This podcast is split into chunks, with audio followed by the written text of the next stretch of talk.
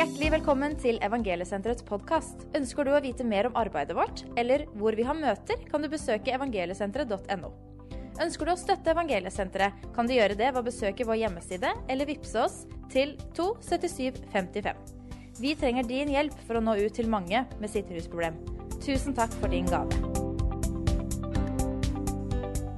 Fantastisk lovsang vi har vært innunder. Vi har stått og hørt på 'Det blod sier meg kraft' fra dag til dag. Det skal aldri miste sin makt. Og det er noe fantastisk å tenke på. Hva Jesus gjorde, skal aldri miste sin makt, sin kraft. Jesus gjorde et fullbrakt verk. Av nåde er vi frelst ved tro, leser vi. Det handler om at han har gjort verket, og så kan vi ta del i det av bare nåde. Det er fantastisk. Og det er 17. mai i dag. Vi kan jo feire. Jeg burde ha to flagg for å heise opp klart og tydelig at det er 17. mai. Vi feirer Norges frigjøringsdag. Vi feirer Norge som nasjon. Og så er det litt annerledes i år enn tidligere. og Vi har ikke barnetog lenger. Vi har ikke hornmusikk i like stor grad pga. koronasituasjonen i Norge. Men likevel så kan vi være med å feire. Og nå samles vi jo i skyen her. Vi feirer fra studioet vårt her i Moss. Så ønsker vi å være med hjemme i stua di og feire nasjonaldagen. Feire det nydelige landet vi bor i. Jeg er takknemlig for alle dere som støtter arbeidet vårt. Kanskje det litt, uh, kunne gi litt ekstra kollekten i dag, siden ikke det var så mye pølser ute på byen eller så veldig mye eh, softis. Så blir det liksom litt mer uh, kanskje en gave til arbeidet. Og jeg er så takknemlig for at det står sammen med Evangeliesenteret i det arbeidet som vi jobber med. Vi ser mennesker for et nytt liv, og det har vi sett nå i snart 37 år. Lise Ludvig fortalte sin historie. Den delte for at sine venner igjen skulle møte Jesus. Og 37 år etter så har de samme historiene, det som bryter lenker og bånd over menneskers liv. Eh, I dag så tenkte jeg litt at siden det er 17. mai, så har jeg lyst til å dra historien litt tilbake til Jesus. For det er jo Jesus det handler om. Iallfall for meg så er det Jesus det handler om. Vi har akkurat hatt påske, og Jesus skal inn og sone for oss på Golgata. Og vi leser, leser, i Bibelen i Markus 14. Og Da er Jesus i Betania. Og så kommer det en kvinne når Jesus sitter til bord, bordet. Hun har en kostbar krukke med salve. Og så knuser hun salveoljen og, og, i, i det karet og heller over Jesus. De andre disiplene blir jo litt irritert. Hvorfor gjør hun dette? Kunne jo vært solgt og gitt til de fattige. Men så tar Jesus kvinnen i forsvar. Og så møter han kvinnen, for han vet hva han skal igjennom. Kvinnen ante ikke hva som ligger foran Jesus. Hun visste ikke at det hun gjorde, var en profetisk handling. Hun visste ikke at at det betydde så mye. Hun ville bare gi det mest kostbare hun hadde. Hun ville bare gi en salve og ville salve mesteren, for det var det mest kostbare hun hadde. Men hun visste ikke at det hun gjorde, var med å gjøre Jesus i stand for hva han skulle gjøre noen dager seinere på et tre. Vi leser Markus 14, og vi leser ifra vers 4. Eller 3b kan vi lese. Hun knuste krukken, helte salven over hodet hans. Men det var noen der som ble forarget og sa til hverandre.: Hvorfor ble denne velduftende oljen sløst bort? Den kunne vært solgt for mer enn 300 denarer og gitt til de fattige. De refset henne strengt. Men Jesus sa, 'La henne være. Hvorfor plager dere henne? Hun har gjort en god gjerning mot meg.' Hvorfor plager dere henne? Hun har gjort en god gjerning. Og så tenker jeg historien om Jesus Han sitter der med bordet. Kvinnen kommer og salver hodet hans. Han vet hva han skal gå igjennom. Han vet, han vet, godt hva som ligger foran ham. Han vet godt hva kamp han skal stå igjennom. Han vet alle disse ting som ligger klar. Det var jo derfor han kom ned for 2000 år siden og tok bolig iblant oss for å bære det ikke vi klarte på sitt egen kropp oppå et kors. Hvorfor plager dere henne? Og jeg tenkte henne delte det dyrebare hun hadde. Hun måtte knuse krukkene og bærte de også for at det kunne renne over Jesus. Så tenker jeg på mitt eget liv, og jeg håper at det er flere enn meg som tenker de samme tinga. Hva er det jeg har som er dyrebart i mitt liv? Hva er det jeg tar vare på? Hva er det min sikkerhet i? Hva er det jeg beskytter med alt det jeg har? Jeg tror Jesus ønsker at vi skal knuse det karet i dag og gi det til Jesus. Det kan være noe vi er stolt av, men vi kan lov til å gi det til Jesus. Og så er Jesus en god hyrde. Jesus er en god pappa som bærer det fordi han er en Han er pappaen vår. Han elsker oss. Han ser alt det vi bærer. Han ser vår sesong, han ser hva vi bærer på. Og Jeg skrev her jeg tror ikke hun var klar over, hva hun gjorde. Og Det er ikke alltid jeg er klar over sjøl hva jeg gir til Jesus selv. Det er lett å gi disse tinga jeg er liksom ikke så stolt av. All skammen min, alle såra mine, for det har jo Jesus tatt på seg. Så det, det gir jeg jo så gledelig til Jesus. Jeg kan gi det mange ganger om dagen. Jeg vet ikke, Kanskje du som sitter og ser på, kjenner deg igjen i det at du tar den ene feilslaget etter den andre og gir til Jesus. Det, det her er lett å gi fra oss. Men når Jesus sier 'hva er du stolt av', hva er det du får til sjøl, når du gir det til Jesus også, så får Jesus all ære. For han all prisen vår. For det er Jesus det handler om. Anne-Marit og Morten sang i stad 'Til vår Gud'. Til vår Gud. Jeg, jeg, jeg tror at vi, vi, må løfte sangen opp til Gud og gi det til Gud. For det er til vår Gud, det er til vår frelser, det er til vår pappa. Det er han som skal ha alt. For han kom og tok bolig midt iblant oss fordi han elsket oss. I Johannes 17 skal vi lese om eh, Jesus' øverprestlige bønn, øversteprestlige bønn. Og Vi leser fra vers 11. Nå er jeg ikke lenger i verden, men disse er i verden. Og jeg kommer til deg, Hellige Far, bevar dem i ditt navn, dem som du har gitt meg, så de kan være ett, slik som vi er ett. Hellige Far, bevar dem i ditt navn. Jesus' bønn var at Gud skulle bevare oss. Vi er hans barn. Vi er hans dyrkjøpte brud. Jeg, jeg liker å fortelle historier. Alle som har hørt meg mer enn én gang, vet at jeg ofte kaster ut noen historier når jeg preker. Eh, jeg var i Israel for et par år siden, og vi var gjennom eh, gravhaven.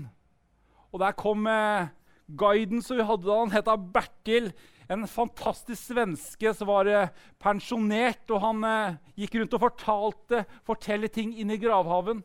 Vi hadde nadvær der. Vi hadde et fantastisk opplevelse med Gud inni gravhaven. Så har du ikke vært der, så kan jeg anbefale det. Og Vi så graven, og den var tom, så klart, for Jesus er jo ikke der. for han har stått opp. Og Så gikk vi til en plass og så over en eh, ja, For meg så var det en bussholdeplass, for det var det det var. Men eh, der fortalte han at på toppen der så er det mange som mener at det er Golgata.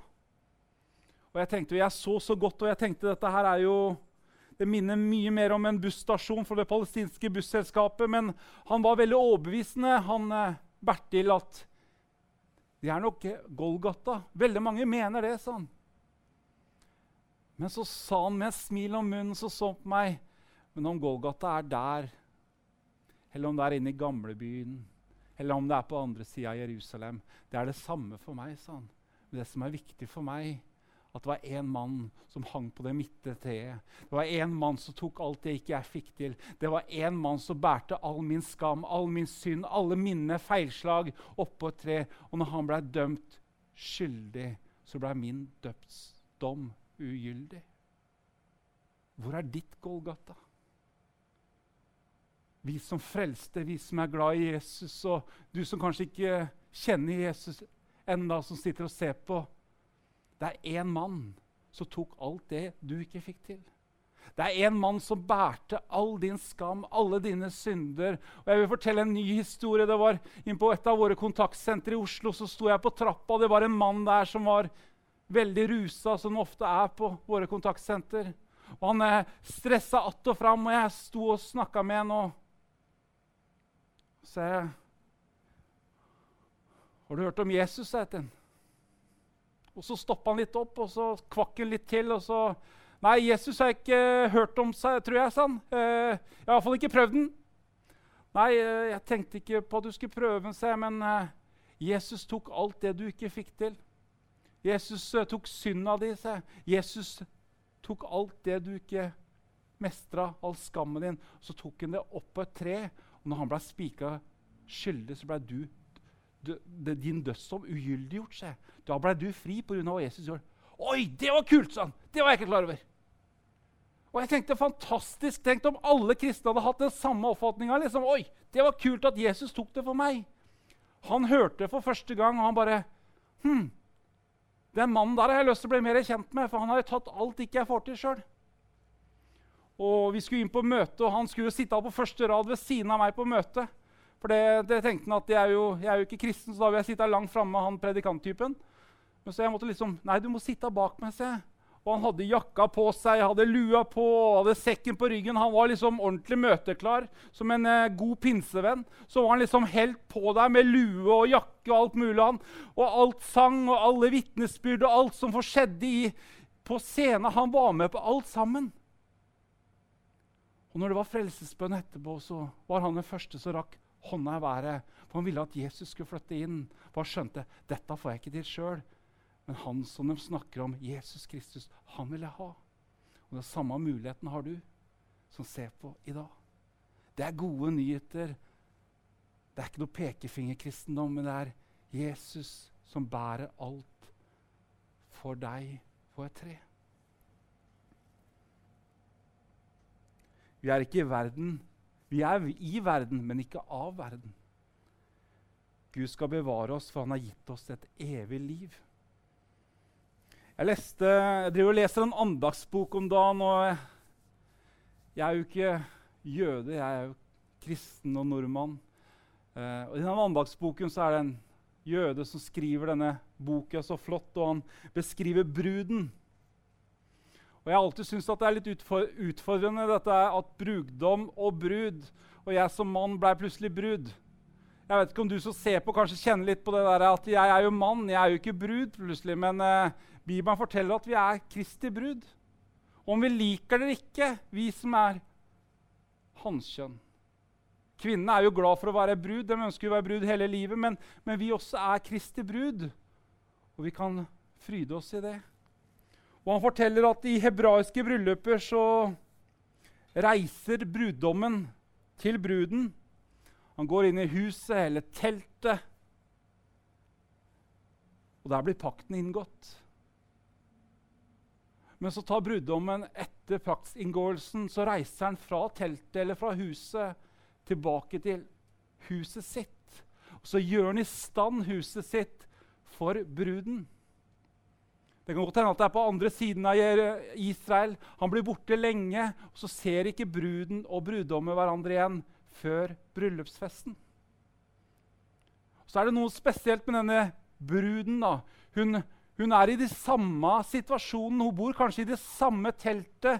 Hun er fortsatt dattera til mor og faren sin. Hun har de samme gjøremålene. De har ikke forandret seg. Men hennes stilling har forandret seg. Hennes stilling er at hun er jo ikke lenger en datter, men hun er en brud. Hennes stilling er at hun er lovet bort til en bruddom. Og hun venter på bryllupsfesten, der dem skal gå sammen til den nye boligen. For 2000 år siden så var det en bruddom som reiste ned til denne jorda. Jesus så at ikke vi fikk det til sjøl. Jesus skjønte at det løpet her er kjørt.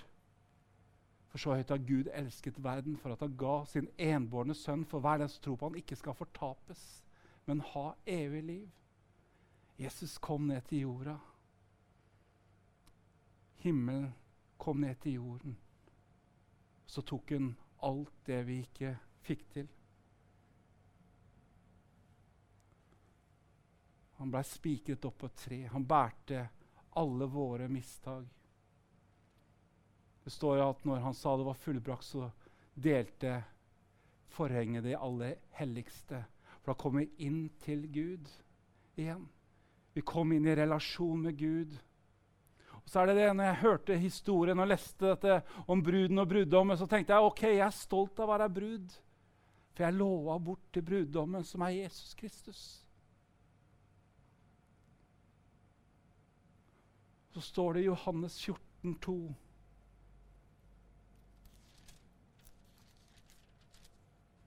I min fars hus er det mange rom. Hvis ikke ville jeg sagt det. Jeg går for å gjøre i stand et sted for dere. Jesus har gått for å gjøre i stand et sted for oss. Jesus har en stor plan med våre liv. Jesus eh, er den gode bruddommen som venter på å hente bruden hjem. Så vet jeg at blant hebraiske bryllup så er det ikke noe skilsmisse. Det er jo ingen som sier at nei, nå, jeg vil ikke ha den bruden likevel. De har inngått en pakt. Den pakten er hellig. De har inngått en pakt så bruden skal, bruddommen skal tilbake og hente bruden hjem. Den samme pakten har Gud inngjort med sitt eget blod på et tre for deg og for meg. Han skal hente deg hjem til himmelen en dag. Og så har han godt gjort i stand et rom. Det er jo helt fantastisk. Det er et rom der oppe. Det er rom i himmelen som ligger klart foran for hva, hvem vi er, hvor vi skal hen. Og der skal vi være en evighet sammen med Jesus. Å, jeg lengter til den dagen. Jeg satt og fortalte guttungen min når han var liten, så var han så søt. og Vi satt og fortalte bibelhistorie som kanskje veldig mange av dere kjenner igjen. Om David og Goliat og liksom Moses. Jeg har fortalt den så mye, og så skal jeg fortelle noe om himmelen. Og så ble han litt sånn eh, småredd om himmelen, for det var sånn evighetsperspektiv. Det, det sleit han med å forstå. Ja, hva er en evighet, pappa? Og himmelen, hvor ble jeg borte? Hvor lenge er det, liksom? Og han sleit med dette her. Og hvordan er det i himmelen? Gater av gull er liksom ikke like fascinerende for en treåring. Det er liksom ikke noe forhold til gullgater og lignende. Så det var ikke noe å slå bordet med. Men så visste jeg han hadde en liten svakhet for noe mat. Han er jo sin fars sønn. Så jeg sa til en eh, gutten min, hva er det du elsker av mat? Og han tenkte seg lenge om også. Kebab, sa han. Ja, vet du hva? Det står at Gud har dekt et bord for oss med fete retter. seg. Så da kan du spise så mye kebab du vil når du kommer til himmelen. Jeg gleder meg til himmelen, sa han. Og det var den treåringen, den der uskyldige der. Å ja! For da så han plutselig himmelen. Himmelen ble rikere for han. For han så noe han gleda seg til. Og den samme himmelen er også her i dag for deg å komme til. Jeg vet ikke hva situasjonen du er i, jeg vet ikke hvor vanskelige ting kan ha vært med livet ditt. Men Jesus ønsker samfunn med deg. Jesus ønsker at du skal ta imot Han i hjertet ditt. Så trenger du ikke å klare deg sjøl. Du trenger ikke å få det til så bra, men du kan bare si, 'Jesus, jeg vil gi deg alt jeg har.' Her har du krukka mi. Jeg, jeg knuser den så hellige salva over deg, Jesus. Jeg vil salve deg, far. Jeg vil at du skal bli mer synlig i mitt liv. Jeg ønsker at mitt fokus skal være oppover, hjemover til himmelen. For Jesus har gått i stand for å bygge et rom til deg. Og dem som far har gitt deg, skal han aldri forlate. Så er ikke det gode nyheter på 17. mai, så vet ikke jeg. Det er jo grunn til å gå med flagg hele tiden. For alt det ikke vi har fått til, alt som er vanskelig, har Jesus tatt på seg. Derfor, som jeg begynte med, av nåde er vi frelst ved tro. Og det bygger ikke på gjerninger. Og det er jeg så takknemlig for. For da, da, hadde jeg blitt stolt av gjerningene mine òg. Og jeg tror du som ser på, kjenner deg igjen i det. Ja, men det har jeg fått til sjøl. Ja, jeg har bygd dette her greiene sjøl, og jeg er flink til å lese Bibelen. Jeg er flink til å gjøre alt riktig. Nei, det bygger ikke på gjerninger. Det bygger på hva Jesus har gjort. Han ga den ultimate gaven til deg fordi han hadde, ville ha samfunn med deg i all evighet skal du eh, få litt lovsang her i slutten av møtet. Så la 17. mai være en flaggdag for deg. La det være den flaggdagen der du sier, 'Jesus, flytt inn i livet mitt.' 'Jesus, takk at du sier at jeg er bra nok for deg.' 'Jesus, jeg har lyst til å gi deg alt, for du fortjener alt.' Du fortjener all vår lovsang, du fortjener all vår sang. Og Jeg vil avslutte med historien om eh, kompisen min. Jeg har fortalt den mange ganger, men eh, Trond eh, heter han. og Han er en kjempekar. Han er smiler bestandig, alltid godt humør. Så var det sånn at eh, Trond jobber på Rema hjemme, der jeg bor. Og Hver gang jeg kommer innom butikken, så ser jeg Trond, og jeg ser liksom eh, det smilet hans. og Jeg tenkte voldsomt så glad Trond er. Så gikk jeg bort til Trond noen ganger og spurte hvorfor smiler dere alltid. Nei, du skjønner, Vi har blitt betalt på Rema for å smile.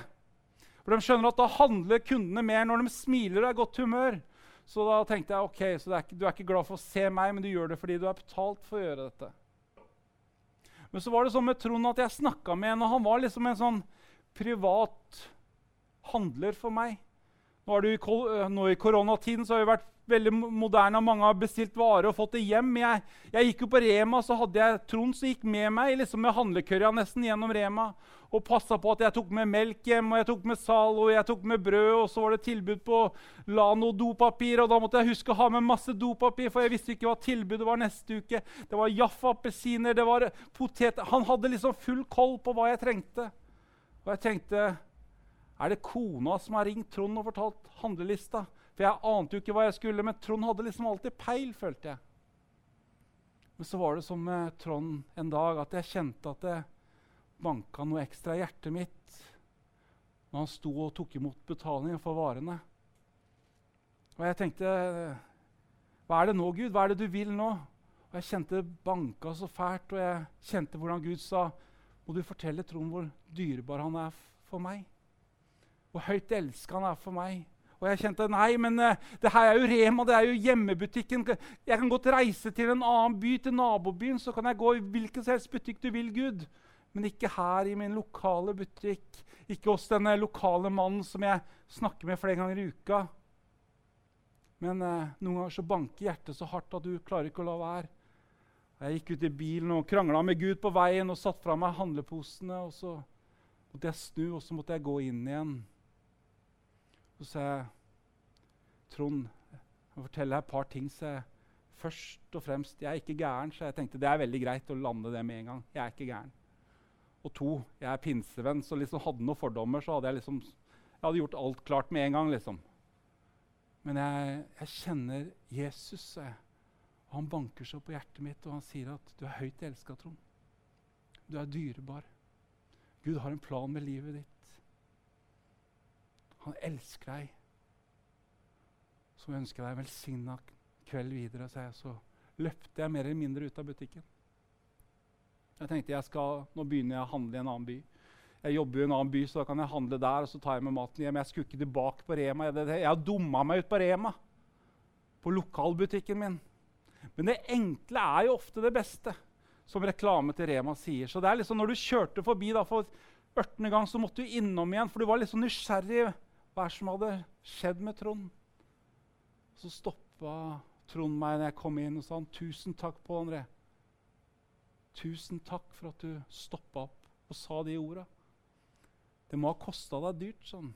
Ja, du aner ikke, se. Det var, jeg la ut liksom hele historien, vet du, at jeg skulle bytte butikk. Og det handla plutselig om meg. vet du, Hvor mye det kosta meg. For det er jo sånn vi mennesker er. Det handler liksom plutselig veldig om meg.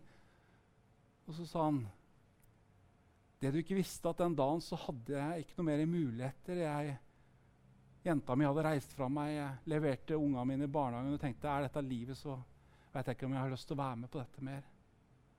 Jeg følte meg verdifull, ikke verdifull. Jeg følte meg helt nedtunga. Så kommer du inn og sier at 'jeg er høyt elska'.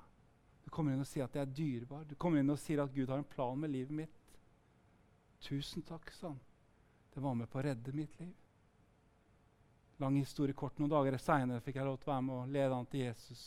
Men det handler om når Jesus snakker. For Jesus ønsker å nå alle mennesker med sin kjærlighet.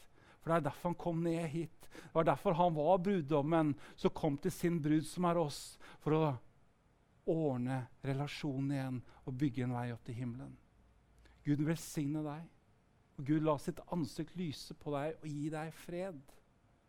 Så må du ha en velsigna 17. mai, så må du sette din lit til Jesus. Jesus er nær deg nå, og Jesus lengter etter fellesskap med deg.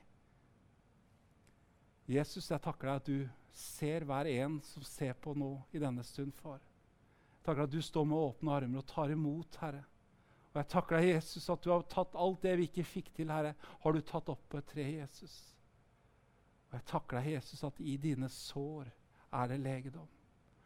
Og jeg takker deg, Herre, når vi bekjenner deg og sier 'Velkommen inn i mitt liv, Jesus', så har du sagt at du flytter inn. For jeg takker deg, Jesus, at vi bekjenner med vår munn, Herre, og tror i vårt hjerte, så er vi frelst. Sign hver og en, Far, i Jesu navn. Amen. Takk for at du lyttet til Evangeliesenterets podkast. Vi håper at dette budskapet skal være til en velsignelse for deg.